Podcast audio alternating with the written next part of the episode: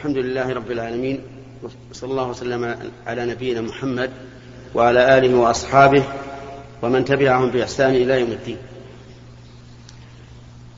أما بعد فهذا هو اللقاء الأخير في شهر صفر عام خمسة عشر وأربعمائة وألف من اللقاء المعروف بلقاء الباب المفتوح. والذي يكون كل يوم خميس من كل أسبوع. وهذا اليوم هو اليوم السابع واليوم السابع والعشرون من شهر صفر. وكان من عادتنا أن نتكلم على تفسير شيء من آيات الله. وقد انتهينا إلى قوله تبارك وتعالى كلا إذا دكت الأرض دكا دكا وجاء ربك والملك صفا صفا وجيء يومئذ بجهنم يومئذ يتذكر الإنسان وأنى له الذكرى. فيذكر الله سبحانه وتعالى الناس بيوم القيامة إذا دكت الأرض دكا دكا أي دكا بعد دك حتى لا ترى فيها عوجا ولا أمتا.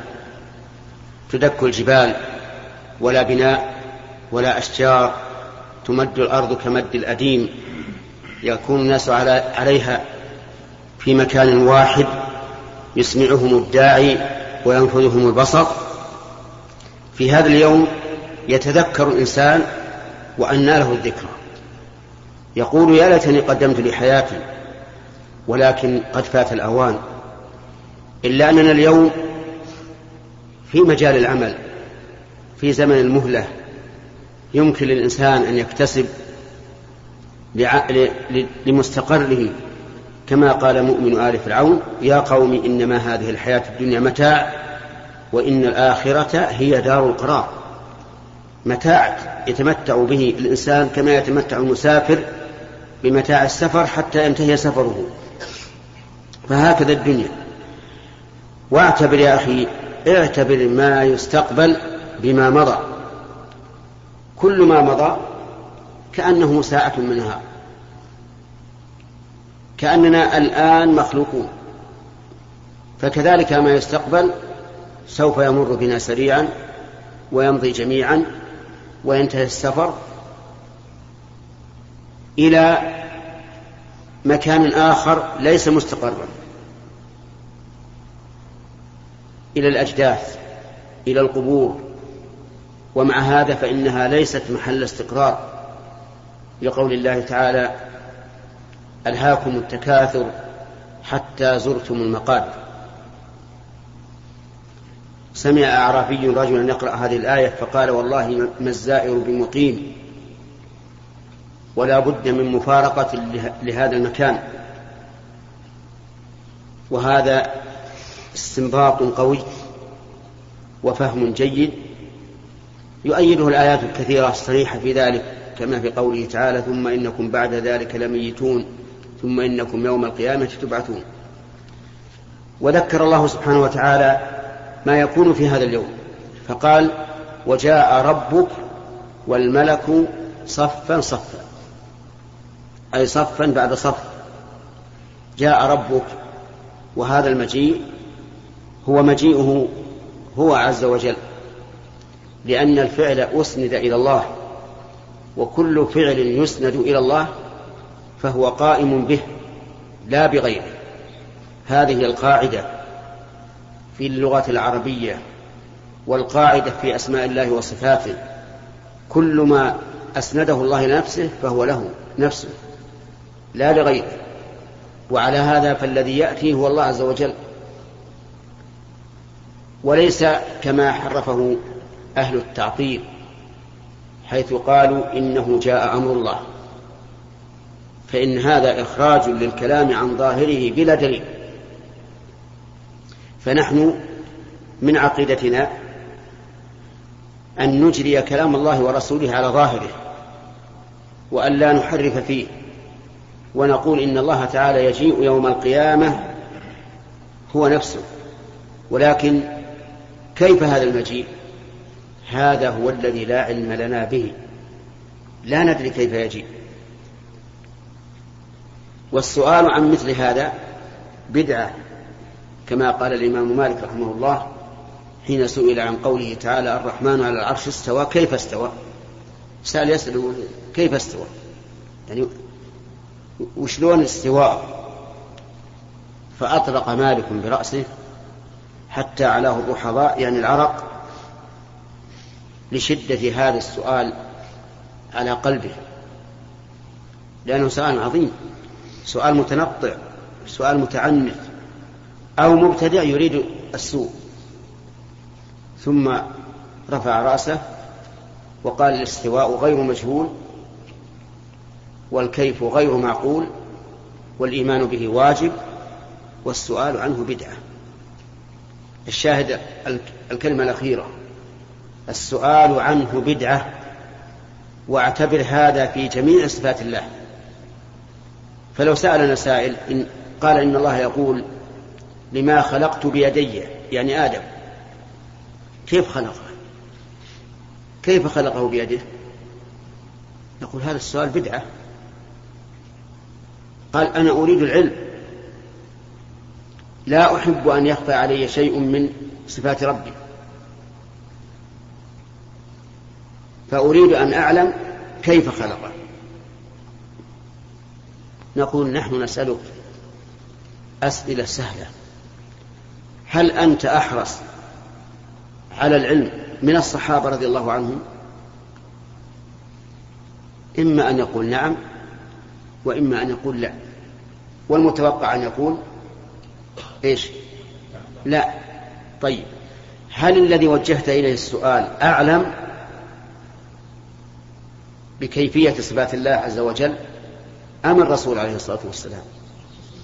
سيقول الرسول إذن الصحابة أحرص منك على العلم والمسؤول الذي يوجه إليه السؤال أعلم من الذي تسأله. ومع ذلك ما سأل. لأنهم يلتزمون الأدب مع الله عز وجل ويقولون بقلوبهم وربما بألسنتهم إن الله أجل وأعظم من أن تحيط أفهامنا وعقولنا بكيفيات صفاته. والله عز وجل يقول في كتابه في الأمور المعقولة ولا يحيطون به علما. وفي الأمور المحسوسة لا تدركه الأبصار وهو يدرك الأبصار. فنقول يا أخي إلزم الأدب. لا تسأل كيف خلق الله آدم بيده. فإن هذا بدعة. وكذلك بقية الصفات لو سأل كيف عين الله عز وجل قلنا له هذا بدعة.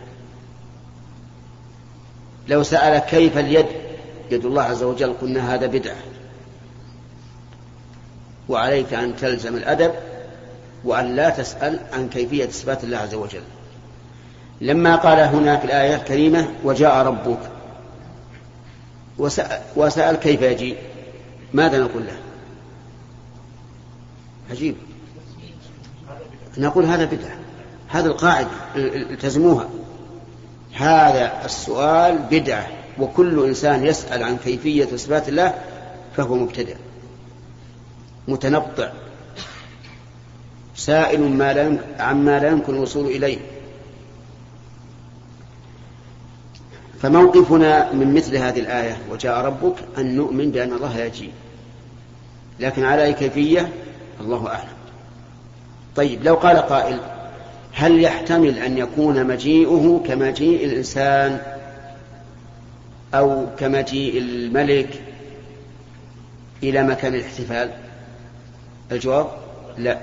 هذا نعلم أنه لا يكون. الدليل قوله تعالى ليس كمثله شيء وهو السميع البصير. فنحن نعلم النفي ولا نعلم الإثبات. يعني نعلم أنه لا يمكن أن يأتي على كيفية إتيان البشر ولكننا لا نثبت كيفية. وهذا هو الواجب الواجب علينا. وقوله الملك ال هنا للعموم. يعني جميع الملائكة يأتون ينزلون ويحيطون بالخلق.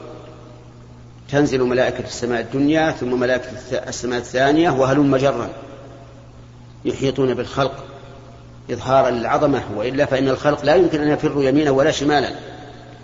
لكن إظهارا لعظمة الله وتهويلا لهذا اليوم العظيم تنزل الملائكة. يحيطون بالخلق. وهذا اليوم يوم مشهود يشهده الملائكة والإنس والجن والحشرات وكل شيء. وإذا الوحوش حشرت فهو يوم عظيم. لا ندركه الآن ولا نتصوره لأن أعظم مما نتصور الأمر الثالث مما به الإنذار في هذا اليوم بعد أن عرفنا الأمر الأول وهو مجيء الله ثم صفوف الملائكة قال وجيء يومئذ بجهنم. جيء يومئذ ولم يذكر الجائي لكن قد دلت السنة أنه يؤتى بالنار تقاد بسبعين ألف زمام كل زمام منها يقوده سبعون ألف ملك. وما أدراك ما قوة الملائكة؟ قوة ليست كقوة البشر ولا كقوة الجن بل هي أعظم وأعظم بكثير. ولهذا لما قال عفريت من الجن لسليمان أنا آتيك به بعرش بلقيس قبل أن تقوم من مقامك وإني عليه لقوي أمين. قال الذي عنده علم من الكتاب أنا آتيك به قبل أن يرتد إليك طرفك فرآه مستقرا عنده قال العلماء لأن الرجل هذا دعا الله فحملته الملائكة فجاءت به إلى سليمان في الشام من اليمن. فقوة الملائكة عظيمة وهم يجرون هذه النار سبعين ألف زمام. كل زمام يجره سبعون ألف ملك. إذن هي عظيمة نسأل الله العافية ونسأل الله أن يجيرنا وإياكم منها. هذه النار إذا رأتهم أي رأت أهلها من مكان بعيد سمعوا لها تغيظا وزفيرا. وليست كتغير كزفير الطائرات أو المعدات. زفير تنخلع منه القلوب والعياذ بالله. كلما ألقي فيها فوج سألهم خزنتها ألم يأتكم نذير؟ وقال الله عز وجل تكاد تميز من الغيظ. تكاد تقطع من شدة الغيظ على أهلها والعياذ بالله فلهذا أنذرنا الله تعالى منها. فهذه ثلاثة أمور كلها إنذار. مجيء الرب جل جلاله صفوف الملائكة الثالث الإتيان بجهنم. يومئذ يتذكر الإنسان وأنى له الذكر يتذكر التعظ لكن أنى له الاتعاظ فات الأوان. انقطع الاتعاظ بحضور الأجل في الدنيا قبل أن يصل الإنسان إلى الآخرة. وليست التوبة للذين يعملون السيئات حتى إذا حضر أحدهم الموت قال إني تبت الآن ولا الذين يموتون وهم كفار. فنسأل الله تعالى أن يجعلنا وإياكم من المتعظين بآياته ونسأله تعالى أن يرزقنا علما نافعا وعملا صالحا ورزقا طيبا واسعا. والآن إلى الأسئلة ونبدأ باليمين. والسؤال واحد لكل واحد. ولا يقبل ولا يقبل التعليق. ونمشي على القاعدة أن اللي من غير عنيزة هم الأحق. بسم الله الرحمن الرحيم. الحمد لله رب العالمين. فضيلة الشيخ وفقكم الله ورعاكم. ما حكم أخذ السبع الطواف حول الكعبة عن الميت؟ وهل للسبع آه، ركعتين مثل الطواف ثم الذين يذهبون يأخذون عمرة وعمرتين من التنعيم ما حكم ذلك؟ يفيدون وفقكم الله. جماعة ثلاث أسئلة يا أخي. لا حول ولا طواف الإنسان عن الميت الصحيح أنه جائز وأن الميت ينتفع به ويصل إليه ثوابه لكنه لكن هناك شيء خير منه وهو الدعاء للميت. فالدعاء للميت أفضل من الاعتمار له ومن الحج له ومن الطواف له ومن القراءة له ومن الصلاة له ومن الصيام له. والدليل على هذا قول النبي صلى الله عليه وعلى آله وسلم إذا مات الإنسان انقطع عمله إلا من ثلاثة إلا من صدقة جارية أو علم ينتفع به أو ولد صالح يدعو له. فعدل النبي صلى الله عليه وسلم عن العمل إلى الدعاء مع أن الحديث العمل ولم يقل أو ولد صالح يعمل له. فنقول إن إن فعل الإنسان وطاف حول الكعبة بنية أنه لفلان فلا بأس لكن لو طاف لنفسه ودعا للميت كان أحسن. والصلاة والصلاة أي صلاة ركعتين خلف المقام تتبع الطواف. فكلما طاف الإنسان فإنه يصلي ركعتين خلف مقام إبراهيم. نعم. إي نعم. اللي من غير بسم الله الرحمن الرحيم. فضيلة شيخنا نتوجه إليكم بهذا السؤال وهو أنه من أهل العلم والعمل المشهود لهم بالخير والجهاد في الدعوة في هذا العصر. فضيلة شيخنا عبد الرحمن ابن عبد الخالق حفظه الله تعالى.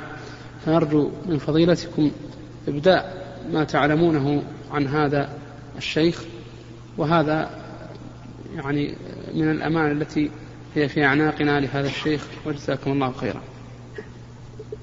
ليس من شأننا في هذا اللقاء أن نتحدث عن شخص بعينه لكننا نقول كل إنسان له قدم صدق في الأمة الإسلامية من أول الأمة إلى آخرها لا شك أنه يحمد على ما قام به من الخير. وثانيا نقول كل إنسان مهما بلغ من العلم والتقوى فإنه لا يخلو من زلل. سببه إما الجهل أو الغفلة أو غير ذلك. لكن المنصف كما قال ابن رجب رحمه الله في خطبة كتابه القواعد المنصف من اغتفر قليل خطأ المرء في كثير صوابه. ولا أحد يأخذ الزلات ويغفل عن الحسنات إلا كان شبيها بالنساء. فإن المرأة إذا أحسنت إليها الدهر كله ثم رأت منك سيئة قالت لم أر خيرا قط. ولا أحد من الرجال يحب أن يكون بهذه المثابة أي بمثابة الأنثى يأخذ الزلة الواحدة وينسى ويغفل عن الحسنات الكثيرة.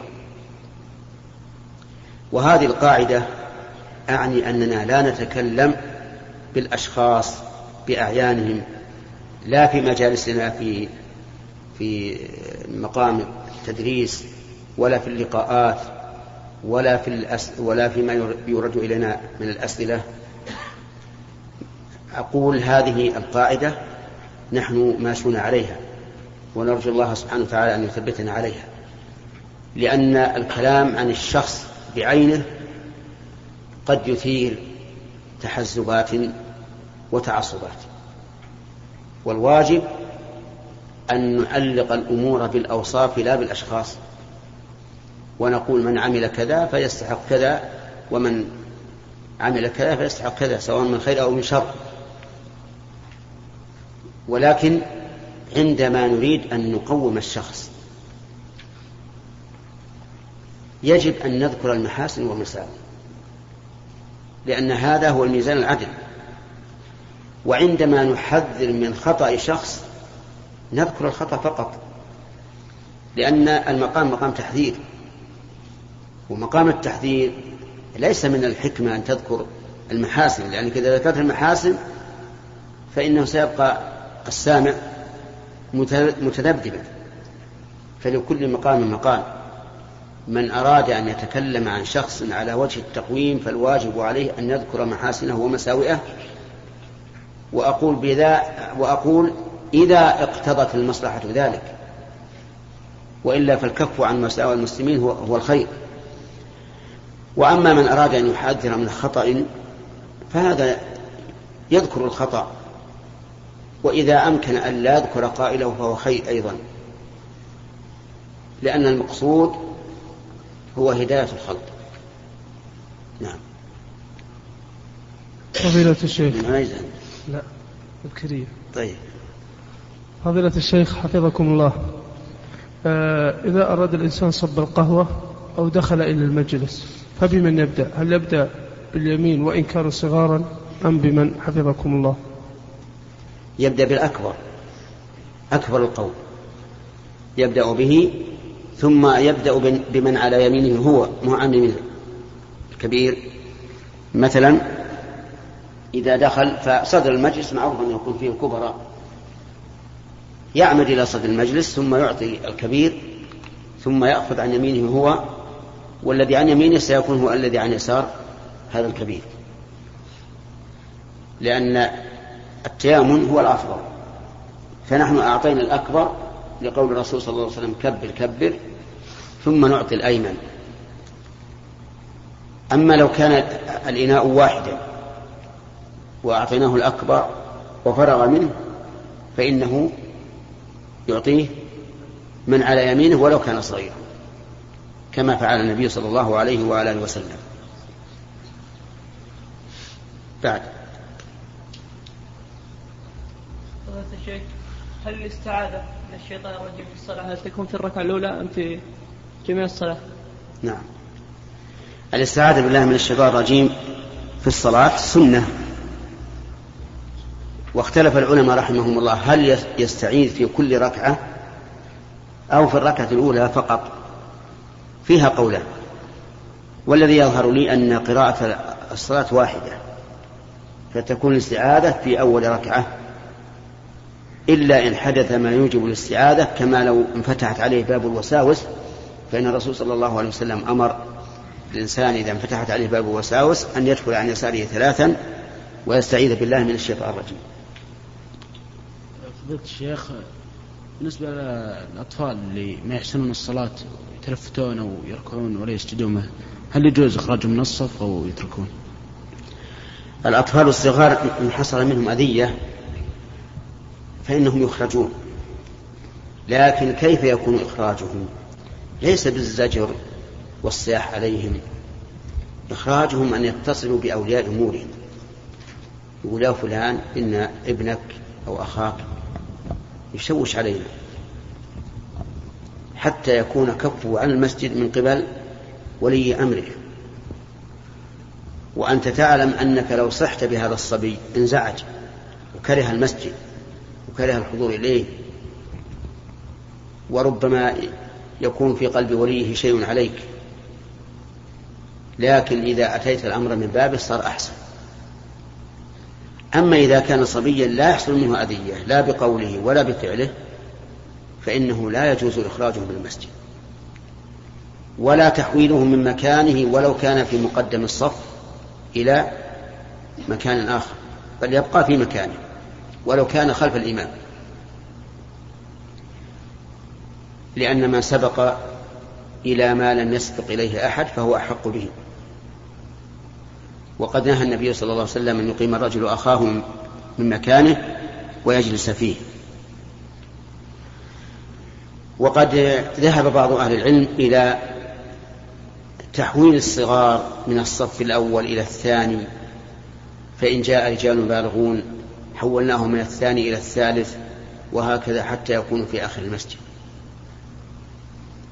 بناء على قول النبي صلى الله عليه وعلى آله وسلم ليلني منكم أولو الأحلام والنهى. أولو الأحلام يعني البالغين والنهى يعني العقلاء. ولكن في الاستدلال بهذا الحديث على هذه المسألة نظر.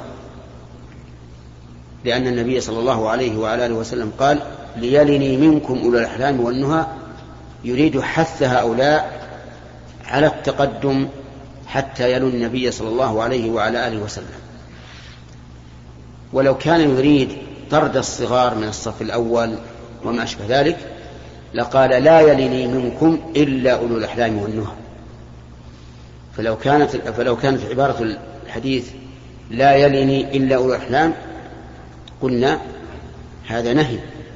عن أن يله الصغار أو المجانين فيخرجون فيحولون إلى مكان آخر. ثم إن في تحويل الصغار من الصفوف المقدمة حتى يكونوا في آخر صف هذا مما يزيد كراهتهم للمسجد وأهل المسجد ومما يزيد تشويشهم أيضا. لأنهم إذا كانوا صفا واحدا كثر منهم التشويش واللغط. بخلاف ما إذا كانوا بين الناس. نعم لو فرضنا أن أنه كان إلى جنبك صبيان وخشيت أن يعبثا فلا بأس أن تفرق بينهما درءا لما يخشى من المفسدة. نعم. أحسن الله عليك عفى الله عنك يا شيخ. حكم قتل ما آذى من الحيوانات الأليفة كالهر وغيره. من الحيوانات إيش؟ ما آذى يعني تفاقم أذاه. نعم. حكم قتله. نعم. آه الحيوانات تنقسم إلى قسمين. قسم طبيعته الأذى فهذا يسن قتله سواء كان مما نص عليه النبي صلى الله عليه وعلى وسلم كالعقرب والفار والكلب عقور أو كان مما سواه مما يشاركه في علة الحكم وهو الأذية. ولهذا قال العلماء يسن قتل كل مؤذن. هذا تقتله إذا كان من عادة الأذى حتى وإن لم يؤذك لأنه إن لم يؤذي هذه المرة آذى في المرة الأخرى. والقسم الثاني ما لا أذية فيه ولا مضرة فهذا لا يقتل. ولكنه ليس حراما ليس قتله حراما إلا أن الأولى عدم قتله. فإن آذاك فلك أن تقتله دفعا لأذاه. و وإنما قلنا إن الأولى عدم قتله إذا لم يؤذك لأن الحيوانات والحشرات من حيث ورود الشرع في حقها تنقسم إلى ثلاثة أقسام قسم أمر بقتله وقسم نهي عن قتله وقسم سكت عنه فالذي أمر بقتله مثل ها؟ مثل عقرب الفارة الكلب العقور الحية الوزغ وما أشبهه. والذي نهي عن قتله مثل النملة والنحلة والهدهد والسرى والمسكوت عنه بقية الحيوانات والحشرات هذه مسكوت عنها فالأولى عدم قتلها لأن أقل ما فيها أنها إزهاق روح بغير سبب. ثم إن بعض العلماء قال إنها ما دامت حية فهي تسبح الله عز وجل. وإذا ماتت انقطع التسبيح. فقتلك إياها يعني إتلافها بحيث لا تسبح. وعلى كل حال فالحكم كما قلت لكم أولا أن الأولى عدم قتلها لما ما لم تؤذك. إن أعدتك فلا بأس أن تقتلها. ولو نعم. أحسن الله إليك يا شيخ. بعض طلبة العلم يكثر من الأسئلة ولقصد الفائدة ولكن بعضها يكون فيها بدعة وبعضها فيها تنطع وبعضها بعض إيش؟ بعض طلبة العلم إيه؟ يكثر من الأسئلة. يكثر. نعم. ولكن بعضها يا شيخ فيها بدعة وتنطع وكذلك لا حاجة فيه. هل هناك قاعدة ينطلق منها طالب العلم في الأسئلة حتى يفيد إيه؟ نفسه ويفيد غيره؟ طالب العلم ينبغي أن يركز أسئلته على على المقرر. لأنه هو الآن مكلف بفهم هذا المقرر. لا تخرج الأسئلة عن عن عن غيره.